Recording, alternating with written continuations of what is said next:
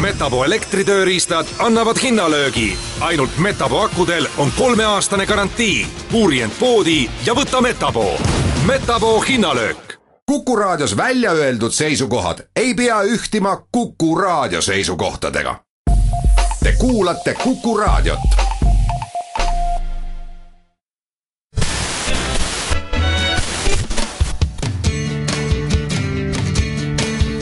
Radio Talsinki. Radio Talsinki ja unikaalsed Eesti lood toob teieni Solostokos Hotel Estoria. Radio Talsinki. Tervetuloa jälleen Radio Talsinkin ohjelman pariin ja minä toivotan myöskin Mannermaan Vilman oikein kovasti kesälomalta tervetulleeksi jälleen näihin, näihin lähetyksiin. Kiitos, kiitos. Hieno olla täällä taas. Niin sä sanoit, että oli ihan mukava tulla taas Tallinnaan. Joo, oli, oli nyt tuli tuossa vajaa kolme kuukautta oltu Helsingissä, niin ihan, ihan kiva se on tänne, tänne tulla takaisin ja nyt taas u, uutta syksyä käyntiin. Niin, ja nyt alkaa sitten, sulla kaksi vuotta noin vielä opiskelua jäljellä. Joo, kyllä, että tota, nyt ens, en, ensi viikolla tai oikeastaan täl, tällä viikolla niin alkaa, alkaa sitten koulu, niin koulu tuolla yliopistolla taas, niin sinnekin pääsee sitten pyörimään. Kuinka paljon sä tota, kesällä teit duunia yleensäkin, tai teikö sä mitään, vai oliko se vain jalat pystyssä? Oh, kyllä mä ihan du, duunia paiskin, mutta kyllä sitä lomaakin tuli pidettyä, että ei se ihan koko kesää viitti, viitti toimistolla käyttää. Että. Kuinka stressaavaa muuten tuo yliopisto-opiskelu täällä on? Et, saako siinä tosissaan tehdä töitä? No saa kyllä. Että mä niin, tietenkin omasta puolestani voi vaan puhua, että tuolla Baltic Film Media Schoolissa kun on, niin, niin kyllä siellä varsinkin loppulukukaudesta alkaa kyllä kiirettä olla, että, että kyllä, se, kyllä se ihan niin kuin voimat vie se koulunkäyntikin. Joo, kyllä se muistaa itsekin, että silloin kun pääsin sieltä viimeisestä, viimeisestä tuota Jyväskylästä ulos eh, keittiömestarilinjoilta, niin eh, kyllä sä sai tehdä töitä. Mä päätin, että mä en koulu enää ikinä. Mutta tiedätkö Vilma, mitä mä oon päättänyt nyt tehdä? No. Mä ajattelin, että kun mun englanti on sen verran huono, että mä lähden vielä englannin kielen jollekin kursseille, että mä käyn ne, koska haluais saada vähän paremman englannin. Kyllä mä jollakin tavalla tulee toimeen, mutta radioon se ei riitä ja, ja sillä tavalla, että se englanti tuota, olisi sitten vahvempi, kun on kansalaiskoulupohja eikä ole, ole käynyt sitä koulua ja sitten vaan lähtenyt maailmalle ja töitä tehnyt tietysti ja pärjännyt kyllä, mutta haluaisi vähän paremmin puhua siitä. Niin, kyllä se on aina, aina kieliä hyvä osata, että että englanti vielä tommonen kuitenkin, kuitenkin semmoinen yleinen kieli maailmalla, niin mikä siinä? Joo, niin, niin on. Ja te, mä, tosi hyvä juttu, että, että te nuoret, teillä on monta kieltä ja on mahdollisuus ollut niitä oppia ja peruskoulu tuli silloin joskus ja sekin vielä auttoi niitä asioita, että se kansalaiskouluaika siellä Suomessa, niin se oli sellaista, että meidät heitettiin vähän niin kuin sinne johonkin jätetunkiolle. Et päästiin eroon ja sieltä sitten eteenpäin tuota, ammattikouluihin ja näin, näin päin pois. Mutta lähdetään päivän aiheisiin ja löysin täältä aika tärkeän aiheen ja haluan varoittaakin suomalaisia. Nyt kun vielä sieltä Latvian puoleltakin sitä viinaa tuodaan, että ol, olkaa erittäin tarkkoja tuo viinan kanssa. Ja Tallinna 24-lehti kirjoittaa, että epäilyttääkö Virosta hankitun vodkapullon turvallisuus paikallisen vero- ja tullihallituksen sivuilla voit tarkistaa pullasi turvallisuuden helposti. Ja Onko sulla tullut semmoisia mm, tuota vastaan, että sulla olisi tarjottu jotain semmoista viinaa täällä Tallinnassa, että et tiedä, että mitä se on? No ei, eikä silleen tuollaista asiaa tule niin ajateltuakaan, että kuitenkin, kuitenkin vaikka nyt Virosta jotkut on montaa mieltä, niin kuitenkin itse ajattelen, että se sen verran kuitenkin turvallinen paikka on kyseessä, että ei se nyt tule mieleen, niin kuin, että joku tuossa niin sinänsä yrittäisi niin kuin myrkyttää tai muuta tämmöistä, mutta onhan se sinänsä hyvä pitää mielessä. Katos, tuolla oli Pärnussa tapaus, missä kotipileissä oli poolia. Ja eihän ihmiset kysele, että mitä viinaa sä oot sinne pooliin laittanut. Niin, näinpä. Ja siellä oli tosi, tosi paha tilanne ja, ja ihmisiä sokeutui ja oli ihan kuolemakielissä sen, sen tuota, viinan vuoksi. Että näin ollen minun mielestä niin kun nyt menette johonkin esimerkiksi kotipileisiin, jossa tarjotaan poolia, niin kysykää ihan suoraan ja rehellisesti, että mitä viinaa siihen on laitettu ja onko se laillista viinaa nimittäin? Mm, varsin, varsinkin jos on ihmisiä, joita ei tunne, niin, niin sillä hyvin Niin välillä, se, niin. välillä joutuu semmoisia, tai ajautuu sanotaan semmoisiin paikkoihin, missä tarjotaan esimerkiksi just puolia ja eihän sitä pysty tietämään. Niin minun mielestä on ihan reilua rehellisesti kysyä, että mitä siellä on joukossa. Niin, tai onko... voitko näyttää pullon, että niin. kiinnostaa. Niin. Tuota, vuoden 2006 lokakuusta lähtien Virossa on saanut myydä ainoastaan veromerkein varustettua väkevää alkoholia, jonka etanolipitoisuus pitoisuus on siis yli 22 tilavuusprosenttia. Tämä virallinen veromerkki on todiste valmisteveron maksamisesta ja sen avulla voi myös erottaa myös laillisen alkoholituotteen laittomasta. Ja minun täytyy se kyllä antaa hyvä tunnustus siitä, että näitä myöskin valvotaan ja ravintoloihinkin tulee tarkistajat sisään ja pyytävät nämä pullojen numerot ja, ja tarkistavat ne jutut. Eli kyllä täällä se tarkistus toimii, eikä ravintolassa enää nykyään niin paljon myydä sitä niin sanottua pimeätä viinaa tai jostain muualta Venäjältä jotain muuta tuotettua viinaa, että siitä, se on kyllä hyvä asia. Joo, tällainen asia siis oli tässä alkuun, joka tuli mieleen ja, ja kysykää tosiaan, jos olette sellaisissa pileissä tai muissa paikoissa, että on ihan kiva nimittäin säilyttää oma näkönsä. Niin, ja terveys ylipäätään. Ja terveys ylipäätään. Laitetaan tähän alkuun syksyn sävel. Syksy on nyt jälleen tulossa ja puut alkaa, tai puiden lehdet kellastumaan, niin syksy sävelen ju, ju, sen niminen biisi ja esittäjänä on tietysti Juise Leskinen. Tämä on Juiselta sellainen vähän surumielinen, mutta upea kappale. Kuunnellaan tämä alku.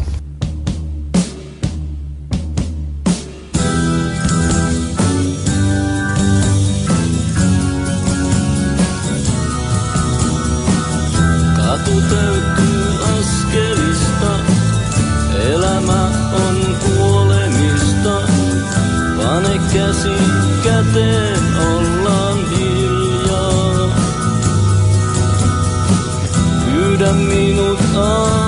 sateelle.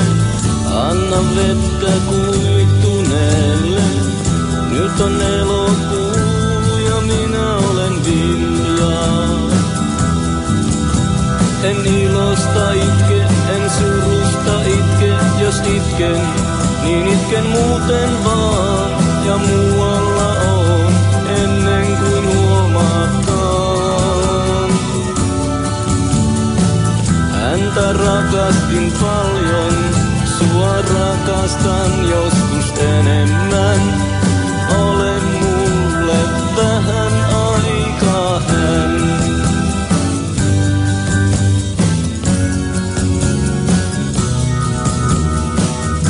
Ota minut sinun uniin, vaikka nousen toisiin juniin. Nyt on lokakuu.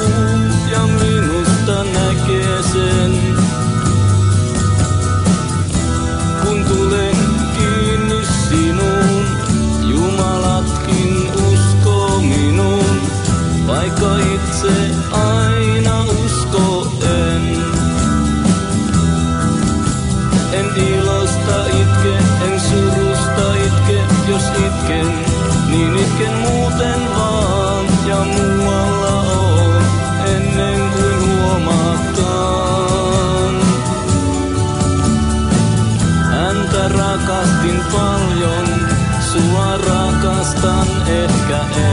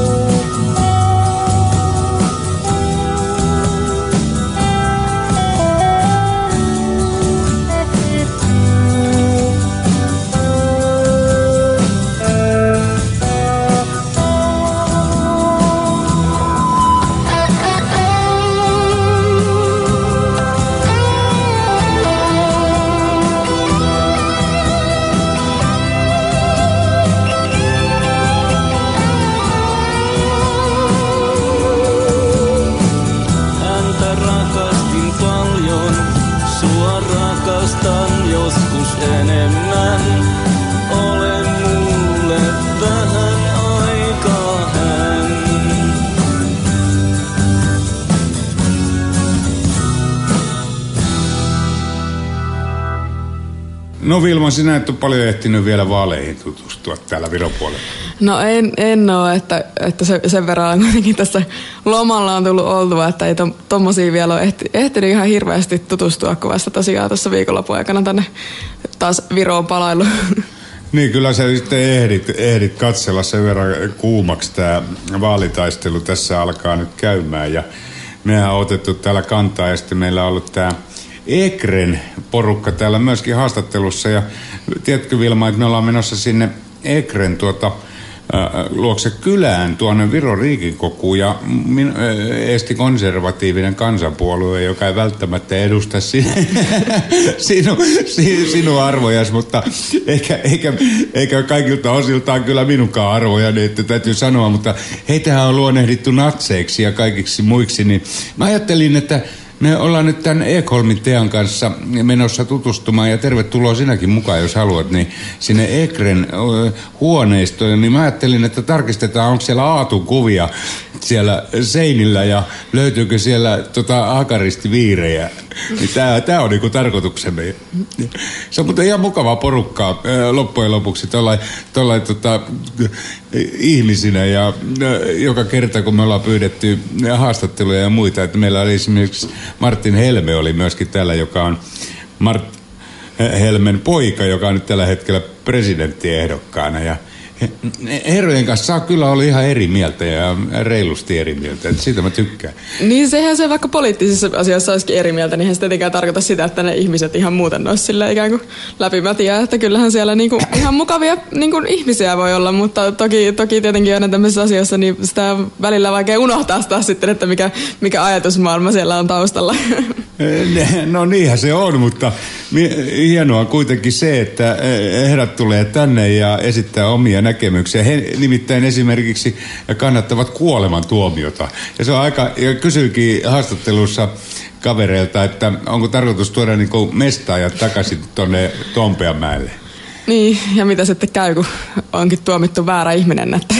Niin, mutta itse on kyllä sitä mieltä, että tuosta kuolemantuomiosta, että kaikkein kamalinta olisi olla jossakin sellissä, missä sä saat sitten katsoa yhtä tai kahta ohjelmaa niin koko loppuelämässä niin, ja, ja pelata jotain e, tota, Super Mario ykköstä. Niin, näin, näinpä. Ja sitten tosiaan kun puhutaan kuolemantuomiosta, niin sehän on semmoinen, että eihän sitä voi peruuttaa. Että kyllähän tuolla USAssakin on ollut tapauksia, missä niinku jälkikäteen joku on toteutettu tämä kuolemantuomio, niin on sitten on sitten myöskin todettu, että ehkä tämä nyt ei ihan ollutkaan oikea henkilö, että pahoittelemme.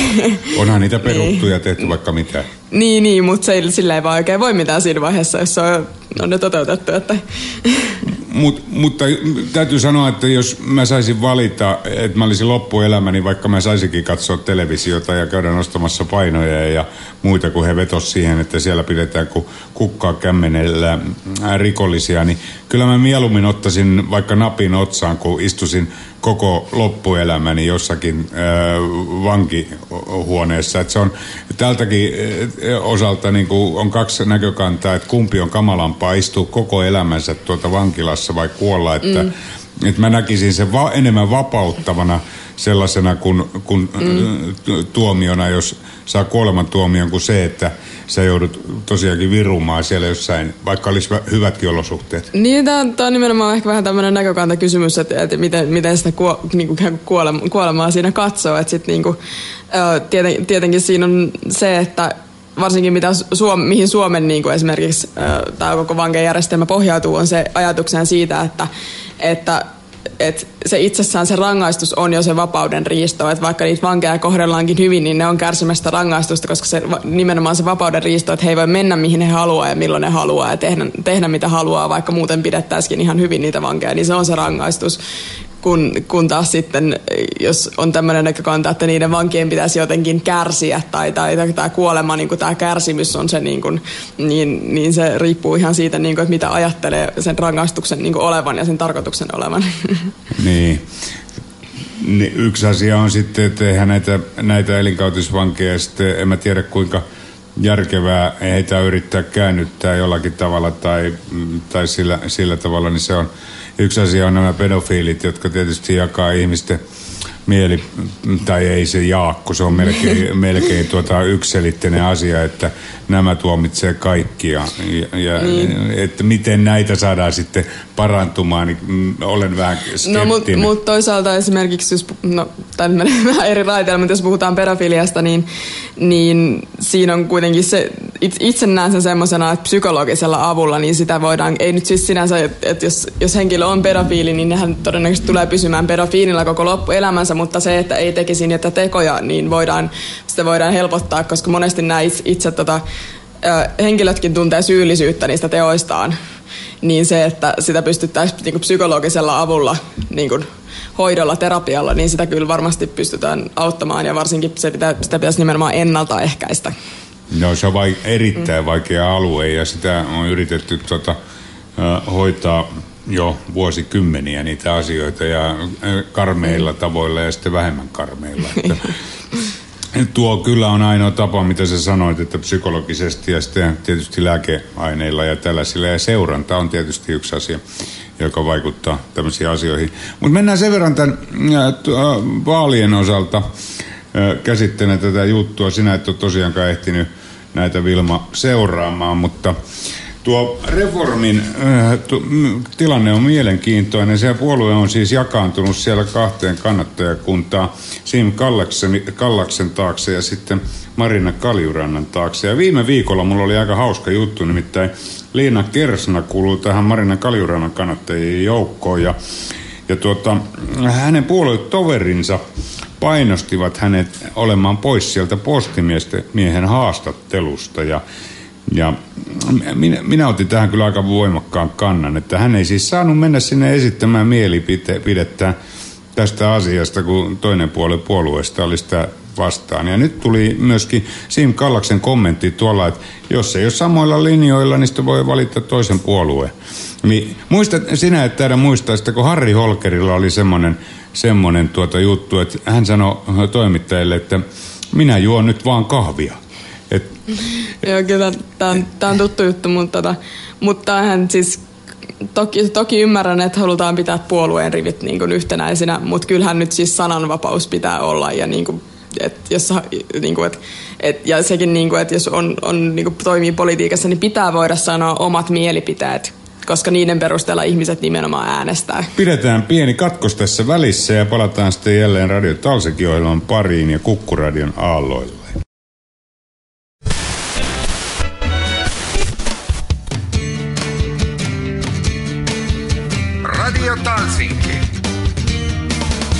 Radio Talsinki ja unikaalsed Eesti lood toob teieni Solosokos Hotel Estoria. Radio Talsinki. Kukkuradion aalloilla jatketaan ja studiossa on kanssani jälleen ilokseni Vilma Mannermaa. Joo, nythän on valitsijamiehistä kysymys, mutta niin. tästä huolimatta niin minun mielestäni tässä niin. käytiin nyt tota sananvapauden äärirajoilla, että saako o- oman puolueen ehdokas, joka on eri mieltä, niin olla eri mieltä. Ymmärrän tämän toki mm. itsekin tosi hyvin se, että puolueen rivit pitäisi pysyä suorassa, mutta t- tässä kohtaa kyllä voi nyt tulla lunta tupaa.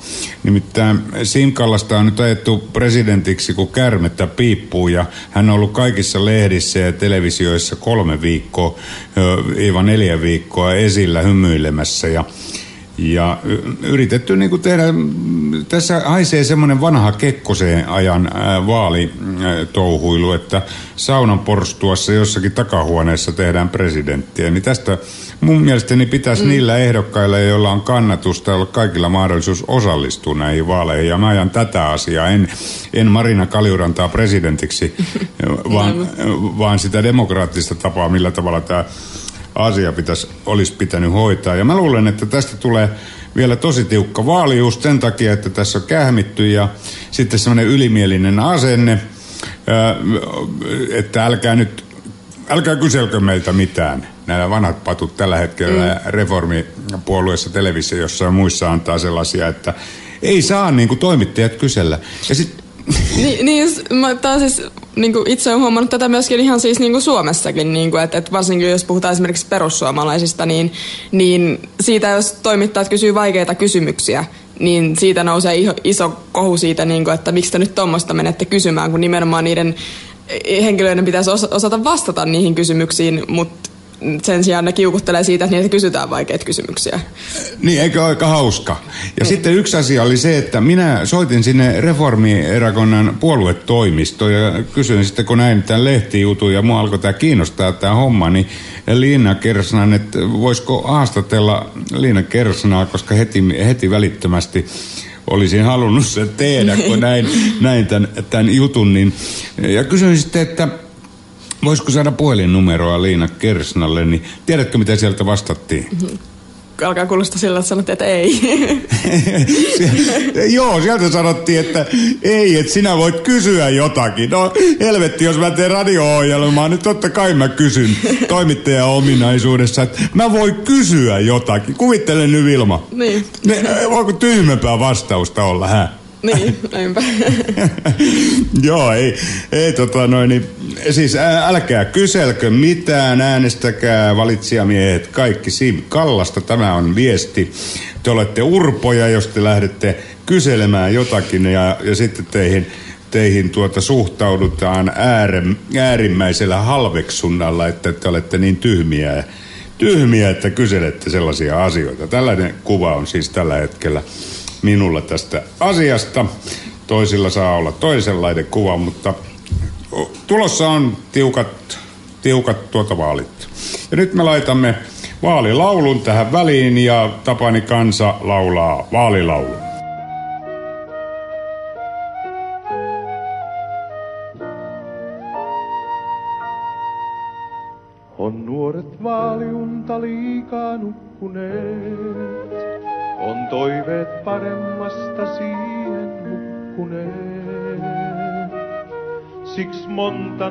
Nuorta toivetonta Suomen leijonaa. Nyt sinisilmä Aino neito mieheksensä saa. On vanhat Väinämöiset sammon ryöstäneet. Ja monta joukahaista suohon syöstäneet. Kun tänään nuori Ilmarinen vailla työtä on, uus sampo nyt on taottava Suomen nuorison. Tää koko nousukausi sodan jälkeinen on ollut laskukautta pienen ihmisen. Jäi kotikonnut rakkaat, kamat kassiin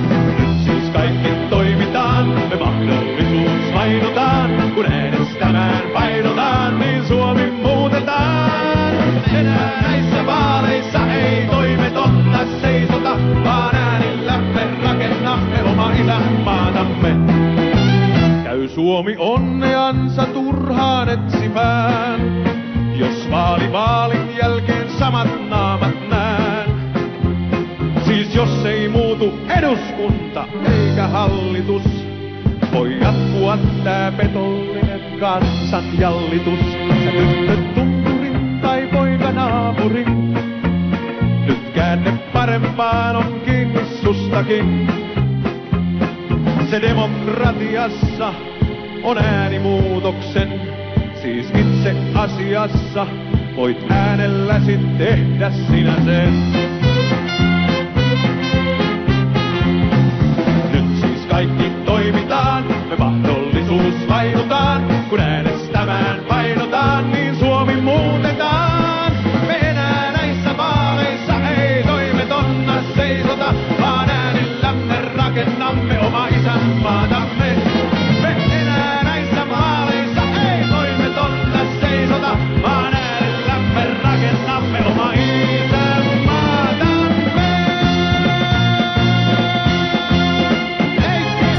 Vilma Mannermaan kanssa ollaan tosiaan studiossa ja seuraavaksi käsitellään ruotsinkieliset ohjelmat on nyt sitten haussa tänne SSS-radioon. Mitäs mieltä sä oot Vilma asiasta?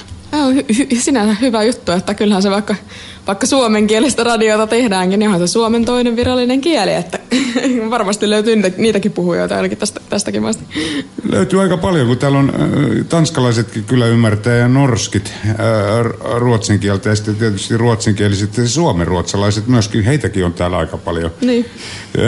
Virossa. Ja me mennään tosiaan nyt tiistaina Gustav Antelin kanssa, joka toimii täällä Yleisradiolle vapaana toimittajana ja tekee juttuja, juttuja täältä Tallinnasta ja hoitelee muuten myöskin Puolaa tulee nyt tuota Gustaville tämä Puola. Ja haluttaisiin tosiaan antaa ruotsalaisille ikkuna, ikkuna sitten kertomaan omia näkemyksiä näistä asioista, mutta tässä nyt hiertää yksi juttu aika pahasti, että mehän halutaan, ja siitä keskustellaankin sitten siellä suurlähetystössä, että saataisiin tämä virallinen anteeksi pyyntö tästä Pekka Päivärin tapauksesta 1975, mi- hänet ylättiin nimittäin maaottelun osalta. Tuota, Niin ja ajankohtaistahan tämä vielä on, kun maaottelut on tässä viikonloppuna, niin Suomi, Suomi-Ruotsi, niin kisattu. Niin, niin minun mielestä eikö tämä olisi ihan otollinen aika heidän tunnustaa tämä vääryys, joka silloin aikanaan tehtiin? Näinpä, koska tämä on erittäin vakava asia aina tämä Suomi, Suomi-Ruotsi maaottelu ja ylipäätään urheilu Suomen ja Ruotsin välillä, niin olisihan se ihan hyvä nyt saada vihdoin viimein. Niin tämä homma päiväjärjestykseen ja tunnusta, tunnustaisivat vedut sitten oman virheensä, mutta nyt kun me lähdetään sinne tosiaan ja sinne lähetystöön, niin tämä asia voidaan ottaa siellä esille ehkä, ehkä tuota ja mutta sulla oli hyvä, ää, Vilma, hyvä aihe myöskin tästä maaottelujutusta tullut mieleen. Joo, mä mietin tätä, kun tosiaan kun Suomi-Ruotsi yleisurheilumaaotteluita tuossa kilpaillaan jo- joka, joka vuosi, niin, niin täällä Virossa kun ollaan, niin tuli, tuli vaan mieleen, niin kuin, että miksi, miksi ei olisi tämmöistä niin Suomi-Viro maaottelua sitten puolestaan, että Virokin tuolta pikkuhiljaa, varsinkin nimenomaan yleisurassa nousee, että ottaa, ottaa Suomea kyllä kovasti kiinni, kiinni sillä saralla, että siellä ihan varmaan ihan hieno suoritus esimerkiksi olympialaisessa oli Rasmus Mäki oli 400 metrin aidoissa niin finaalissa kuudes. Ja toki siellä suomalainen Oskari Mörökin pärjäsi samassa lajissa ihan hyvin, mutta ei, ei ihan näin, näin kuitenkaan hohdokasta suoritusta vielä, vielä saanut.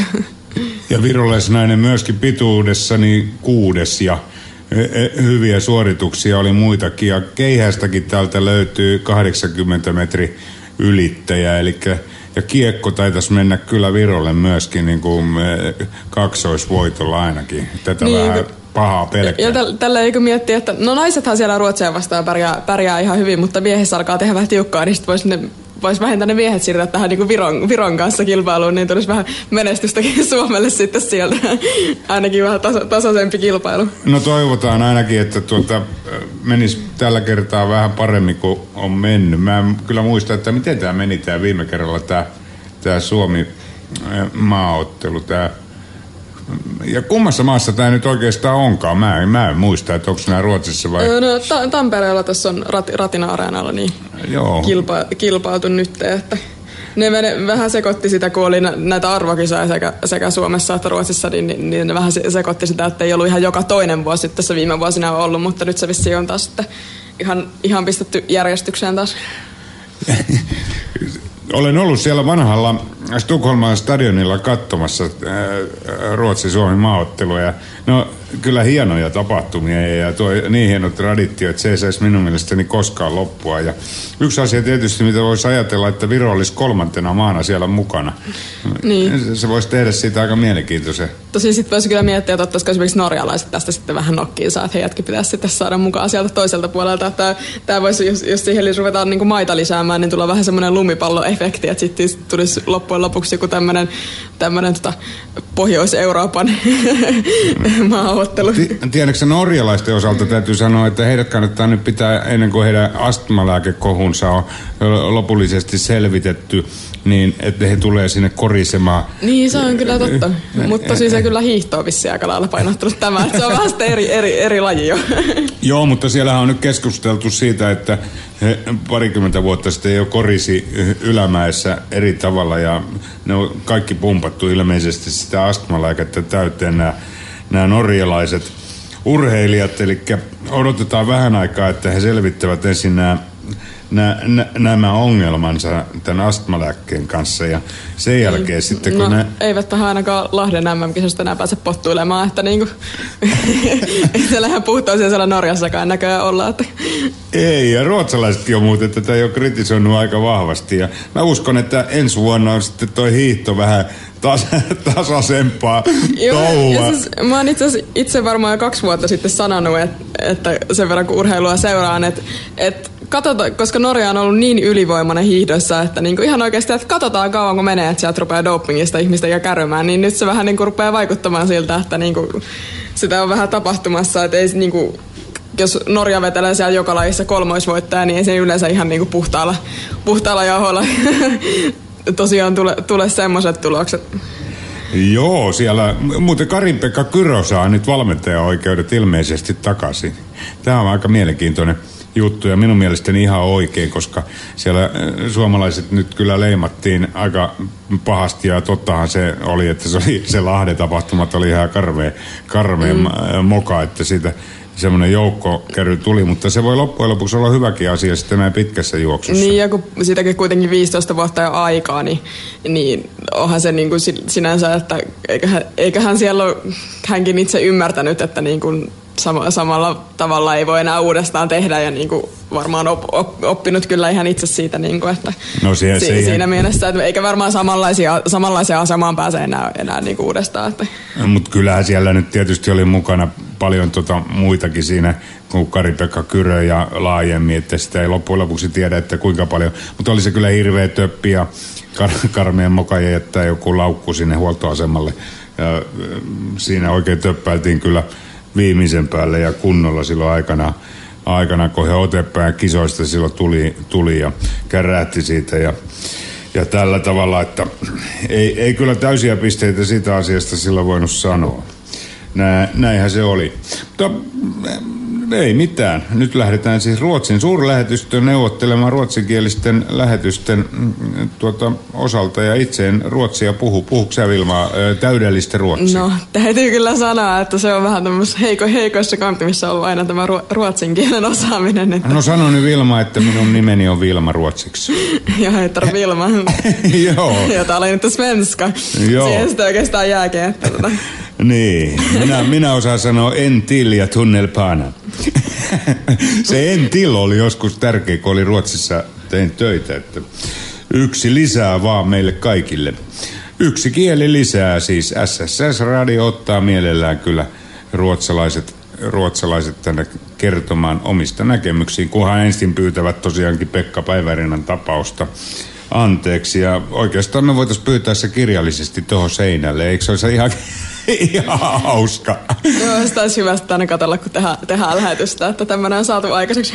Joo, se, se tota noin, niin tosiaankin. Sitten, sitten tuota me ollaan sitä mieltä. Pidetään pieni katkos tässä välissä ja palataan sitten jälleen Radio Talsekin ohjelman pariin ja Kukkuradion aalloille.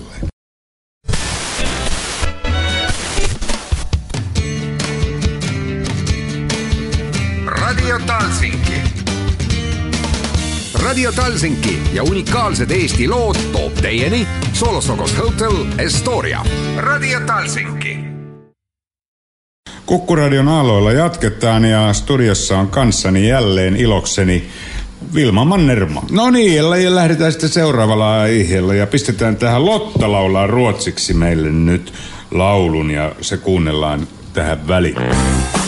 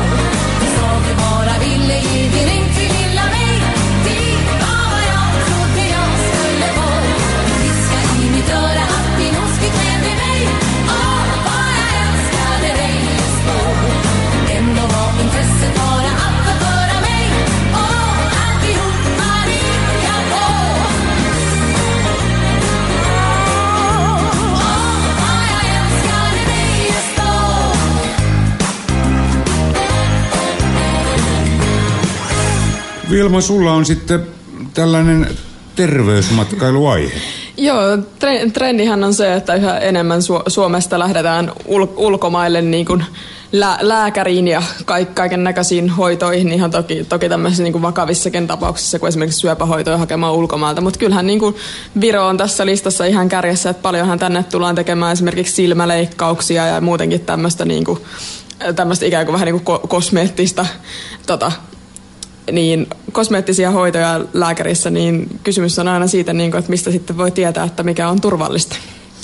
Niin, me otettiin tässä kantaa. Täällä oli yksi yksityissairaala siitä sen enempää, niin jossa suomalainen nainen joutui sitten aikamoiseen pulaan ja hyvä, ettei henki lähtenyt. Niin me otettiin siihen voimakkaasti kantaa. Sä et Vilma vissiin sitä Öö, taisi, oli, oli kyllä tuttu tapa, se taisi olla itse silloin, itse silloin myös lähetyksessä, mutta niin kuin, niin totta kai tommosia vakavia tapauksia, mutta sitten esimerkiksi jos puhutaan ihan tämmöisestä, että, niin kuin, että paljonko se maksaa, onko oikeasti sovittu, että mitä siihen sisältyy siihen hoitoon ja siihen hintaan ja tämmöisiä asioita, niin ku, kuitenkin puhutaan nyt niin kuin, ö, yksity, yksityisestä niin kuin, hoidosta, niin, niin pitää, nehän pitää olla tosi tarkasti selvillä ennen kuin mitään voi ruveta tekemään. Ja välillä tuntuu, että aika hepposesti niitä päätöksiä kuitenkin sitten välillä tehdään.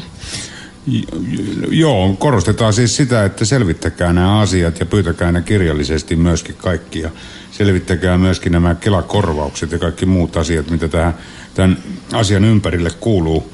Ja olkaa varovaisia näiden asioiden kanssa, nyt kun silmäleikkauksiinkin tänne tullaan, että kaikki menisi sitten hyvin eikä joutuisi pettymään tai, tai sillä tavalla, niin se olisi tärkeää.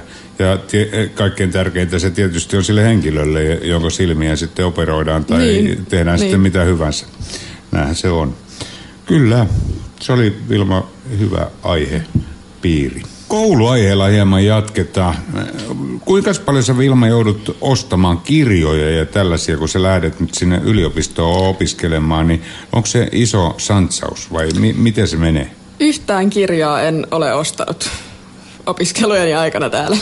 Onko se niin kuin netin kautta sitten kaikki? Joo, siis nimenomaan niin tie, tiedost, tiedosto ja opettajat välittää, että jos joku kirja on, niin joko sen saa kirjastosta niin kuin lainattua niin kuin tämmöisenä sähköisenä tiedostona tai ihan kirjana, tai sitten opettajat niitä jakaa, jakaa tota, ne- netin kautta oppilaille. Että. Onko sulla tietokone yleensä koulussa mukana? Öö, ei ole, en mä sitä niinku ihan harvo, harvoin pidä mukaan itse tietokonetta, että toki sitten niinku, öö, jos muistiinpanoja kirjoittaa, niin ihan sitten käsin tai sitten tota, totta kai sitten niinku niitä, lähinnä niitä aineistoja tulee niinku kotona luettua, että ei siellä niinku koulu, koulussa sinänsä niinku tietokonetta tarvii, mutta muutenhan semmoinen on pakko olla ja toki sitten vielä paremmat, paremmat tietokoneet löytyy tuolta koululta totta kai myös sitten. kuinka pitkä tämmöinen yksi päivä on, kun sä menet ja kuuntelet näitä luentoja tai tällä tavalla, että mulla ei ole tästä yhtään mitään tietoa tästä yliopistomaailmasta täällä? No se vähän, vähän riippuu, että yksi luento on aina puolitoista tuntia vähin, vähintään ja sitten voi olla kaksoisluento, että sitten siinä on yleensä joku tauko välissä, että on puolitoista tuntia joku tauko ja sitten vielä puolitoista tuntia. Et se riippuu tietenkin aine, aineesta ja päivästä ja luku, tota, lukujärjestyksestä, että mihin, ihan mitä, mitä kursseja on, mutta ei ne nyt kovin pitkiä päiviä ole, että niinku, et, ei nyt kaksi, kolme luentoa ihan, kolme on ihan maksimi, mitä yleensä on päivässä, että kyllä niinku, Pystyykö ne niinku sisäistämään hyvin, että et sä pysy, pysyt niinku kolmekin luentoa ottamaan vastaan hyvin sinä päivänä? No se- kolme alkaa olla vähän paljon esimies, koska ne on aika pitkiä ne luennot, että et ne sitten niinku yleensä kyllä siellä jossain vaiheessa keskittyminen rupeaa herpaantumaan, mutta, mutta ei ne ole nyt mitään ihan mahdottomia, niin isoinen puolen tunnin tauot siis näiden luentojen välillä, että se niinku siinä ehtii kyllä sitten niinku ihan, ihan tota, ajatella muitakin asioita sitten siinä välissä, että et toki, toki sitten näiden tuntien päällä on kaikenlaisia projekteja ja kaikkea muuta, mitä siinä tulee tehtyä, että kyllä sitten kun nämä projektit lähtee päälle, niin kyllähän siellä niinku paljon tekemistä, tekemistä on, mutta ei tämä itse niinku koulunkäynti silleen niinku yli, ylitse pääsemättömän vaikeata ole. Niin, että siitä selviää ja ihan tuota... Mitä sä haluaisit uusille opiskelijoille sanoa nyt, kun tänne tulee taas nämä uudet nöhtiäiset sinne yliopistoon Suomesta, niin mitä heidän kannattaa varoa ensinnäkin? Tai Varoa. No se täytyy sanoa, että ei tässä, no ei tietenkään itselle suoraan vertailukohtaa suomalaisiin yliopistoihin ole, mutta niin kuin sanotaan, että kyllä niin kuin byrokratiaa aina välillä tulee ikävä. Ihan niin kuin oikeasti, että siellä ei, ei, ei välttämättä ole aina ihan kovin valmista systeemiä ja aika paljon joutuu kyselemään kaikilta ihmisiltä, että saa niinku tietoa, tietoa itselleen, mutta semmoista niinku kärsivällisyyttä ja ymmärrystä siihen, että kaikki ei aina ihan toimi silleen niinku välittömästi eikä välttämättä kauhean helposti, mutta kyllä asiat siellä sitten kuitenkin niinku hoituu. Niin, kärsivällisyys on se, mitä sä Niin, perään... niin tälleen niinku ihan tämmöisenä yle, yleisenä sääntönä opiskelussa, niinku, tai tuolla, tuolla ainakin meidän yliopistolla, niinku, että et voi olla välillä vähän epäselvyyttä jostain asioista, mutta niitä täytyy vaan sitten selvittää ja kyllä sitten niinku selvii sieltä vähintään joku, joku koordinaattori sitten kertoo, niinku, että, että mitä, mitä täytyy tehdä, että varsinkin totta kai tämä aloitus, kun, kun valita, valitaan kursseja ja kaikkea tämmöistä, että ja missä pitää olla ja mihin aikaan ja miten kaikki kokeisiin ilmoittautuminen ja tämmöinen, niin hoituu, niin, niin totta kai se on kaikki uutta, niin, mutta kyllä se sitten sieltä aina, aina totta kai op- oppii sen systeemiä tälleen, että ei kannata padikoida heti, kun joku asia ei onnistu. Mites tuota, nyt kun tulee nämä uudet opiskelijat ja sitten ne on saanut kotoa raha, rahansa, niin näkyykö tällaista, että osa vetää sitten kaikki rahansa ja juhlii heti, heti ne tuota mäkeä eikä osaa olla varovainen niiden kanssa ja inno, innostuu niin kovasti tästä no, su- Tallinnan yöelämästä. Suomalaisilla on helppoa, kun opi, opintotulot tulee tilille, että si- sinänsä, mutta, mutta tota, vuokrat kannattaa maksaa aina, että se on niin kuin aina vähintään, että kannattaa olla katto päällä, että sen, siitä, sen kanssa ei kannata lipsua sitten. Ja niin, niin paljonko tota noin, niin, muuten ruoka maksaa siellä koulussa? Mm, yliopiston kahvilassa riippuu vähän kahvilasta, mutta keiton saa silleen parilla eurolla ja sitten vähän isompaa, olisiko kolme ja puoli euroa sitten.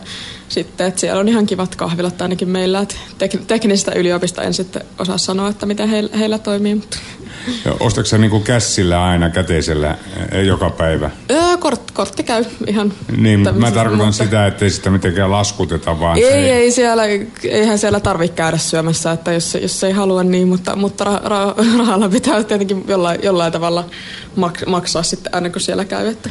Nuorempi meidän poika lähtee nyt Westholmiin tuonne ö, Lyseoon ja siellä tuli nyt ensimmäinen, ensimmäinen tämä tuota ruokalasku, niin se on, oliko se nyt 10 joku 50 kuukaudessa, mi- mitä maksaa se ruoka kuukaudessa siellä, siellä niin sanotun Lyseon puolella tai mikä se nyt sitten onkin. Ei se käynyt kovin kallis ole loppujen lopuksi, mutta Suomessahan tämä vissiin on, niin, eh, kuuluu eh, tuota, verotuksen piiriin eikä maksa mitään. Öö, ei kyllä y, niin kuin yliopistotasolla, siis totta kai siis luk, vielä lukiossa ja tälleen, niin kyllähän siellä on ilmainen kouluruoka ja siis am, ammattiopistoissa, mutta kyllä, kyllä tota, yliopistoissa, niin siellä, sit, sit, kyllä kun on opiskelija, niin saa Kelan vähennyksen, että muistaakseni opiskelijaruoka maksaa Suomessa 2,60. Et si- siinä mielessä pikkasen on itse asiassa kalliimpaa opiskelijana syödä täällä, mutta kaikki muut on niin paljon halvempaa, niin eihän se nyt sillä niin kuin vaikuta, vaikuta suuresti. Niin, mä tarkoitin itsekin tuota lukioon, Niin, mihin meidän, niin. meidän nuorempi Vesa sitten lähtee. Tosin nimi ei ole Vesa. Se tästä koulumaailmasta ja jatketaan sitten vielä muilla aiheilla. Mitä sä Vi- Vilma ajattelet syksystä? Millaiset fiilikset syksy tuo sinulle? No siis siinä mielessä, että talvesta en oikeastaan pidä ollenkaan, niin onhan se aina vähän masentavaa, kun talvea, talvea kohti mennään, mutta, mutta toisaalta vähän nyt se ruska sen verran, kun sitä täällä on niin ihan silleen kaunista ja viimeisestä auringonsateesta voi sitten vielä, vielä nauttia toivottava, toivottavasti semmoisia vielä tulossa. Niin. Mutta säkin oot harrastanut muodostelmaluistelua ja monta vuotta ja ja tiedätkö, me käytiin aina pikkupoikina katsomaan, että katsomassa sillä tavalla hieno, kun tulee ihan kylmä ilma ja sitten nämä järvet ja muut eh, lammikot alkoi jäätymään, niin me käytiin katsoa, että mihin pääsisi luistelemaan ensimmäiseksi. Ja itse pelasin sitten lätkää ja pelattiin tietysti eh, siellä pihapelejä ja kaiken näköistä muu, muuta, niin siinä mielessä oli joskus tullut sellaisia hienoja syksyjä, kun yhtäkkiä tulee niin kylmä eikä ole lunta ja sitten on sellainen peiliäitä. Onko niin. Se koskaan luistellut semmoisissa? E- En ole silleen, kun ei nyt tuolla kaupungissa nyt muutenkaan luonnonjäällä ihan silleen hirveästi pääse, pääse luistelemaan. Että jos ulkona luistelee, niin kyllä ne on sitten enemmän tämmöisillä kentillä, kentillä tullut käytyä. Että ei se silleen niin kuin, mutta, mutta voin kuvitella, että ihan hieno, hienoa on. Niin, sä, sä oot sen verran nuorempi ja mä luulen, että oli silloin jollakin tavalla mulla sellainen kuva, että oli ehkä kylmempiä talvia ja kylmempiä syksyjä. Se tämä kuva voi olla ihan väärä, mutta näin mä muistelisin. Mutta yleensä, yleisesti ottaen mä muistan, kun aina odotettiin, että tulisi sitten sen verran tota, sitä kylmää, että päästään luistelemaan. Joo, vai et tykkää talvesta? Mä tykkään neljästä vuoden ajasta kyllä ja syksy on jotenkin Mulle semmoinen... tämä niinku kyl, kylmyys eikä pimeys, pimeys iskee. Et Itse asiassa tässä ö, huvittava yksi ka- kaveri tai tota, itse asiassa kämppis, joka on ran, Ranskasta, niin tota, hänen kanssaan just tänä, tänään jutteli, jutteli, niin hän innoissani odottaa, odottaa sitä, että tulee talvi ja tulee lunta. Niin mä olen silleen, että no onhan se nyt ihan kiva, ki- kiva kun se ensilumi sitten sataa, mutta ei se nyt pidemmän päälle, että kyllä mä tästä niinku tämmöistä lämpimästä ilmasta enemmän nautin. No kyllähän oppii sitten, kun tulee 32 astetta pakkasta ja sormet jäätyy ja seisoo tuolla jossakin lumituiskussa äh, bussipysäkillä, niin että mitä se talvi on, niin, niin. Niin. sit sä voit Vilma kysyä häneltä, että... Kivaa? Niin, niin, niin. mi- mitkä, on, mitkä on fiilikset, niin siinä voi tosikin ranskalainen olla ihmeessä, että voiko täällä ihminen edes elää. Joskus on lumisia talvia täälläkin, on, mutta viime talvi ei ollut kovin luminen ja mä oon tosi tyytyväinen, että ei joudu lu- lunta Ja luomaan. muistan, että yhden, yhden päivän koulun pihalla seisoin, kun oli miinus 20 astetta, mutta siihen se vähän jäikin, että sit sitä miinus 10 oli vähän aikaa sitten se oikeastaan, että lyhy, lyhyt talvi oli kyseessä, että semmoinen sopii mulle niinku paremmin. No näin, näinhän se on. Se siitä syksyaiheesta. No niin, nyt on saatu siis Vilma jälleen tänne takaisin, Vilma Mannermaa tänne meidän Talsikin-ohjelmia tekemään. Ja, ja Vilma tekisi, tekisi kyllä sitten ihan mielellään näitä toimittajahommia muuallekin ja kirjoittelisi kolumneja, että ottakahan Vilmaan myöskin meidän radion kautta vaikka yhteyttä, jos haluatte eh, hyviä juttuja ja tällaisia. Eikö vaan Vilma, sua kiinnosta kuitenkin Ja muutkin kyllähän se tää niinku sinänsä tällä ala- alalla nyt muutenkin tulee pyörittyä, että kyllä vaikka tätä radio on tosi kiva tehdä ja täällä totta kai ja jatkan nyt taas, taas sitten tämän luku, lukuvuoden vähin, vähintäänkin, niin totta kai sitä aina kaikkea muutakin, muutakin on välillä muka, mukava sitten tehdä. Niin, ja tietysti on mukava saada rahaa. meillä, meillä kun on tuo rahapuoli on vähän heikohko täällä ratiossa, niin selvitään päivästä päivä kerrallaan onneksi sentään kuitenkin eteenpäin. Ja sitten Terhi aloittaa täällä myöskin Terhinaattori-ohjelman tekemisen ja Terhinaattorin Tallinna on ohjelman nimi ja sitä odotellaan siellä. Terhi on jo ostanut ihan diktofonikin sitä varten, että alkaa tekemään niitä ohjelmia ja Terhille kanssa tiedoksi, että Vilmaa kannattaa sitten olla yhteydessä näiden juttujen osalta. Varmasti on apua, koska Vilmakin on täällä sitten ollut jo Tallinnassa. Kuinka kauan sä nyt oot ollut tällä hetkellä muuten? Nyt on niinku... No aika tasalle vuosi, että vähän, vähän toki tosi, no toi kesä kyllä oli tuossa välissä, että sitä nyt silleen, mutta sit, siis siitä, että tulin tänne ensimmäisen kerran, niin siitä on vuosi, että siitä sitten se miinus vajaa kolme kuukautta, mitä tuossa Helsingissä tuli välissä oltua. Että... Otitko sä muuten uuden kämpän nyt, kun sä tulit? Joo, kyllä. Onko tämä nyt kivempi kuin entinen? No se on siis kiva kämppä on kyseessä, mutta tietenkin asuin yksin tota viime vuonna, että nyt mulla on tota tosiaan on kämppiksi, että se on vähän siinä mielessä eri, erilaista, mutta ei se nyt sen niinku, ei, ihan mielelläni, mielelläni, mielelläni on niitä kämppiksi, että ei ihan tarvitse yksin asua. No sekin on toisen, toisen kautta hyvä. Tai täytyy sitten kysyä keväällä, kun tulee, että oliko se kiva vai eikö. Nyt me laitamme meidän viimeisen biisin Aketsilta kuolleet lehdet se on niin hieno biisi, syksyinen biisi, että kuunnellaan se ja olkaa meidän kanssamme ja meidän taajuutemmehan on sitten SSS-radion taajuussa 92,4 MHz ja tämähän tulee sitten nyt Kukkuradiosta ulos ja sitten toistona tiistaisi meiltä myöskin sitten Tallinnan taivaalle. Morjes vaan kaikille sanotaan Vilman kanssa ja eletään yes. kirpeitä syksy-ilmoja ja, ja syödään omenoita. Moi moi! saapuu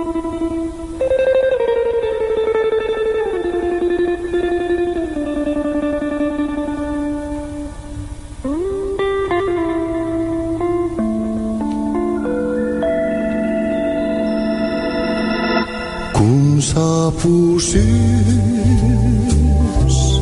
ja lehdet puiston se kumaa saloistoa. Kuin ikävyys mi kauniin muiston voi synnyttää. Vaikka ken le et nou.